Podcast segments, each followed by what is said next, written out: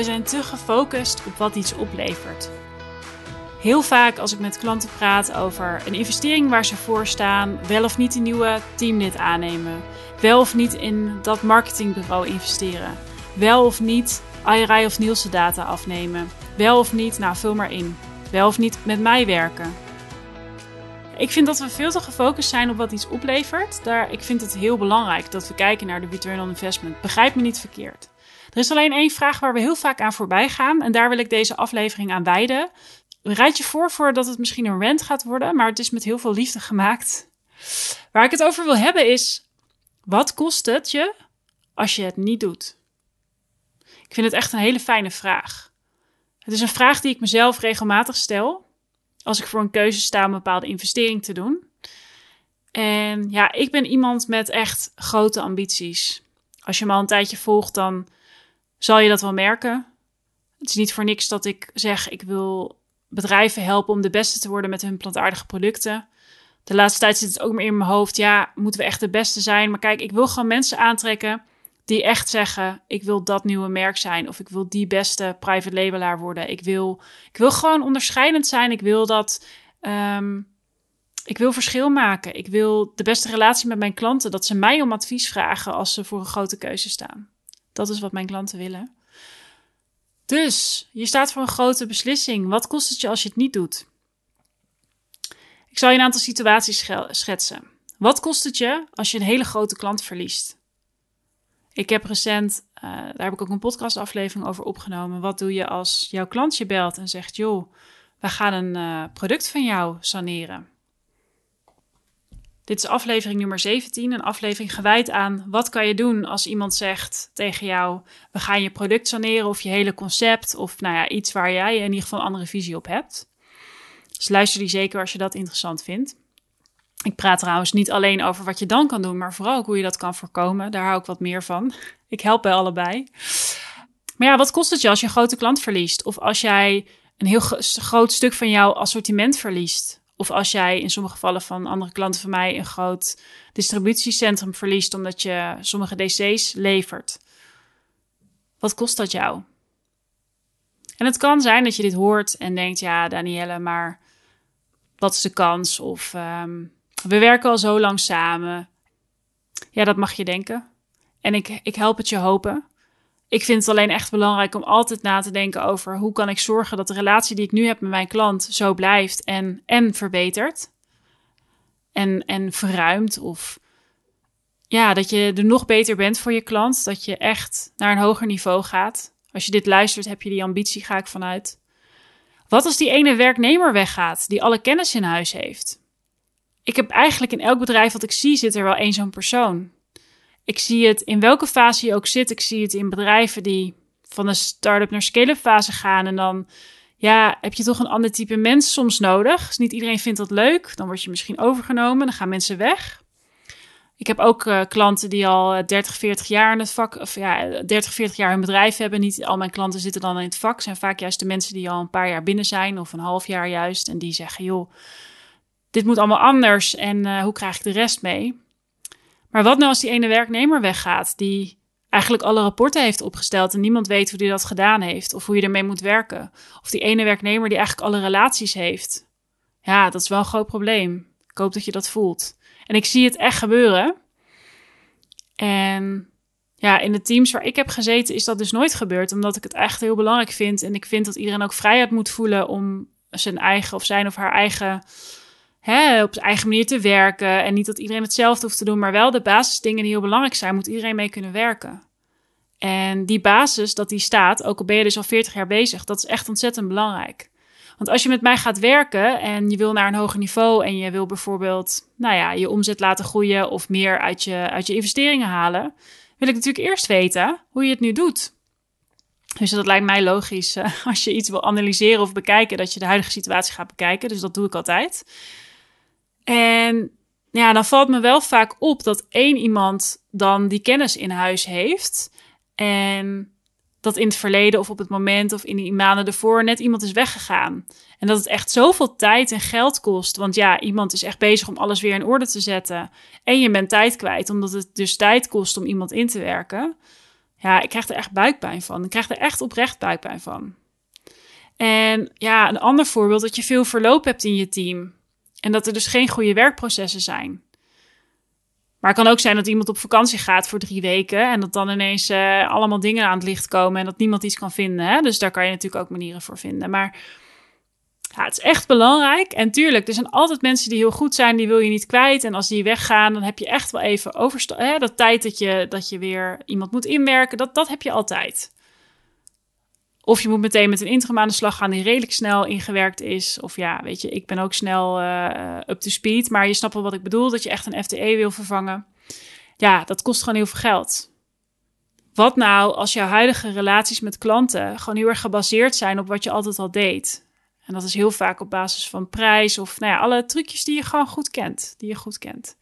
Als je dus voor een investering staat, wat heel veel voor jouw business kan betekenen, dan kan het jou dus kosten dat je die nieuwe manier niet gaat vinden. Dus dat dat, ja, eigenlijk dat laag en hooghangend fruit. Ik las dat laatst van iemand, vond ik wel mooi. Je hebt natuurlijk laaghangend fruit, dus eigenlijk wat voor je neus ligt en uh, je moet het alleen even zien. Maar je hebt eigenlijk ook hooghangend fruit, vond ik een mooie. Ik leg het vast anders uit aan die persoon. Maar het ging er dus om, dat hangt dan wat hoger en dat heeft wat langer de tijd nodig om te rijpen. Maar als je het dan eenmaal als het gerijpt is, dan moet je het plukken, weet je dat? Dus dat noem ik altijd quick wins en wat meer lange termijn zaken. Dus ik vond het eigenlijk wel een mooi voorbeeld. Dus wat kost het je als je een grote klant verliest? Als je die ene werknemer kwijtraakt die alle kennis in huis heeft. Dat je veel verloopt hebt in je team. Dat je geen goede werkprocessen hebt. Dus een klant vraagt om iets of je moet een presentatie voorbereiden. Oh ja, in welke week deden we ook weer wat? En wat is daar echt het effect van geweest? En, en ook als je geen manier meer vindt om meer waarde toe te voegen, dat kost je echt heel veel. Dus ik vraag heel vaak: wat kost het je om het niet te doen? Om niet te investeren bijvoorbeeld in marktdata. Het, het kan zijn dat je dit luistert en zegt, joh, we werken met Aira en Nielsen en uh, nou, we halen daar best wel veel uit en dat, hè, oké. Maar wat als ik jou zeg dat er altijd meer uit te halen valt? En wat kost het je om dat niet te doen als je op een niveau staat dat je eigenlijk, als je heel eerlijk bent, het idee hebt dat je je klant nog veel meer kan verrassen met inzichten? En ik zie ook bedrijven die nog helemaal niet met Eirij of Nielsen werken. In de zin dat ze wel standaard rapportages afnemen, maar er niet zelf mee werken. En de valkuil die ik dan zie, en dat zeg ik echt met liefde voor mijn klanten, is dat hoe goed Eirij en Nielsen ook zijn, dus die, uh, hè, dus die uh, houden de scanningsdata bij en die kunnen jou van allerlei analyses voorzien. En die zijn echt goed in wat ze doen, maar die hebben nooit een inkijkje in jouw bedrijf. Dus als ik dan met jou werk en ik help je met Aira en Nielsen, kom ik altijd tot betere inzichten. Ik heb nog nooit gehad dat dat niet zo is, omdat ik weet waar jij staat. Ik weet waar je mee bezig bent. En dat weet Aira en Nielsen niet. Dus het komt altijd tot een betere kruisbestuiving. Sterker nog, ik weet zeker als ik je help met onderhandelen dat daar een veel betere deal uitkomt. En dan denken we vaak in geld, maar ik bedoel ook dat je gaat nadenken in stappen. Dat je precies datgene afneemt waar je ook het meeste aan hebt. Want we geven heel vaak veel geld uit en dan doen we er niks mee. Of we nemen allemaal cijfers af waar we niks mee kunnen. Dus echt goede afspraken maken. Ja, ik zie ook vaak dat we niet durven investeren in een meer senior iemand. En dat is soms prima, hè? begrijp me niet verkeerd. Alleen, op een gegeven moment wil je naar een hoger niveau en heb je daar dan de juiste mensen voor? Of ga je dan dus een meer senior iemand aannemen? Of ga je een soort van coachende rol erbij zoeken? Wat kost het je om niet te investeren in meer snelheid in een markt die continu verandert? En ja, ik vind het echt een heel helpende vraag. En ik stel de vraag mij regelmatig. En dan kan nog mijn conclusie zijn: ja, het kost me inderdaad wel dit en dit. Maar dat is nu een keuze die ik maak want als ik ook kijk naar wat het me oplevert, dan vind ik het gewoon in totaal nu niet de investering waard. Dat kan helemaal. Ik heb echt, als ik gewoon naar mijn bedrijf kijk. Uh, ik heb voor twee weken geleden een, een, een, een schrijfretreat gedaan. En uh, echt fantastisch. Echt supergoed. Op dit moment vind ik het niet passend om een jaar of een half jaar bij haar in te stappen. Maar ik vond dit stuk echt heel passend. Heb er heel veel aan gehad. En ik zie ook voor me dat ik de volgende keer weer meega. En dat ik, als het daarna goed voelt, dat het dan past. Omdat ik nu gewoon, als ik kijk naar de focus in mijn bedrijf, niet die investering eruit ga halen. En het kost me nu inderdaad meer tijd om, om veel bezig te zijn met mijn schrijven. En dat mijn conversie van, van de teksten die ik schrijf altijd hoger kan. Maar ik zit nu nog in de fase dat het vooral belangrijk is dat ik mijn perfectionisme verlies. Dat ik dus meer ga schrijven. Dat ik meer mijn eigen geluid laat horen. En ja, als ik dan die rekensom voor mezelf maak, is deze beslissing passend. Maar ik weet ook wel dat het me wat kost. Snap je? Dus het kost me ook wel tijd. En het kost me ook frustratie. Ja, nou ja, goed. Diegene zal me vast van alles kunnen vertellen als zij een salesgesprek met mij aangaat. Um, ik heb bijvoorbeeld mijn website eerst zelf gebouwd. Dus niet die je nu ziet, maar die heb ik eerst zelf gebouwd met een vriend van mij. En ik vond het trouwens, ik vind het heel leuk om nieuwe dingen te leren. Dat is ook mijn valkuil. Dus dat was een prima website voor die fase. Maar op een gegeven moment merkte ik dat het me heel veel kostte. Het kostte me heel veel tijd om het bij te houden. Het kostte me frustratie, want ik vond het niet passen bij mijn, ja, wie ik wil zijn. Um, ik wilde een online omgeving toevoegen voor, voor klanten die in een groeiprogramma van mij zitten, die dus echt met meer, ja, uh, met mij hun klantrelatie willen verbeteren. Dus die krijgen dan toegang tot allerhande presentaties en tools om hun, hun sales en trade marketing en marketing naar een hoger niveau te brengen. Dus op een gegeven moment merkte ik gewoon dat het me heel veel kostte. Ik geloofde ook heel erg in wat het me opleverde, maar het kostte me al heel veel. En toen ik de investering hoorde, dacht ik, ja, dat is voor mij echt een no-brainer. Dat was echt veel geld. Maar het kost, ja, op een gegeven moment is het natuurlijk ook de urgentie die je voor jezelf voelt. Hè? Dus dat is ook altijd een goede oefening om voor jezelf te doen. En om een lijstje bijvoorbeeld te maken, dat doe ik regelmatig. Ja, dan wel dat gesprek aan te gaan. Want wat ook heel belangrijk is, kijk, ik kan jou waarschijnlijk, nou niet waarschijnlijk, ik, ik schets jou een veel groter perspectief dan wat je jezelf schetst. Dus als je nu voelt, als je dit luistert en je denkt, ja, ik, ik heb nu een paar podcastafleveringen van je geluisterd, of sterker nog, dit is de eerste, maar het resoneert, hè, stuur mij echt een bericht of plan een gesprek in of stuur mij een bericht op LinkedIn. Dan kunnen we gewoon eens kijken van, oké, stel hè, jij zegt, nou, ik voel dit helemaal. Ik weet gewoon, wij moeten veel meer met marktdata doen. We moeten veel meer de leiding nemen in de gesprekken met onze klanten. Onze innovatiestrategie kan veel beter worden. Alleen, ik heb eigenlijk geen idee. Um, ik heb, nee, nee, dat is niet waar. Je hebt altijd een idee. Maar ik heb niet een goed gevoel bij de opties die ik nu voor me zie. En ik heb gewoon het idee dat we veel meer uit de euro's kunnen halen die wij nu investeren. Maar als we heel eerlijk zijn, hebben die kennis gewoon niet genoeg in huis. En dan ga ik heel graag met je in gesprek om te kijken wat het je kost als, het niet, uh, als we niet gaan samenwerken en wat je oplevert. Nee, zonder dolle. Kijk, ik ben altijd iemand, ik ben echt super eerlijk. Ja, mijn klanten omschrijven mij ook eigenlijk altijd als uh, gewoon no, no nonsense, heel eerlijk.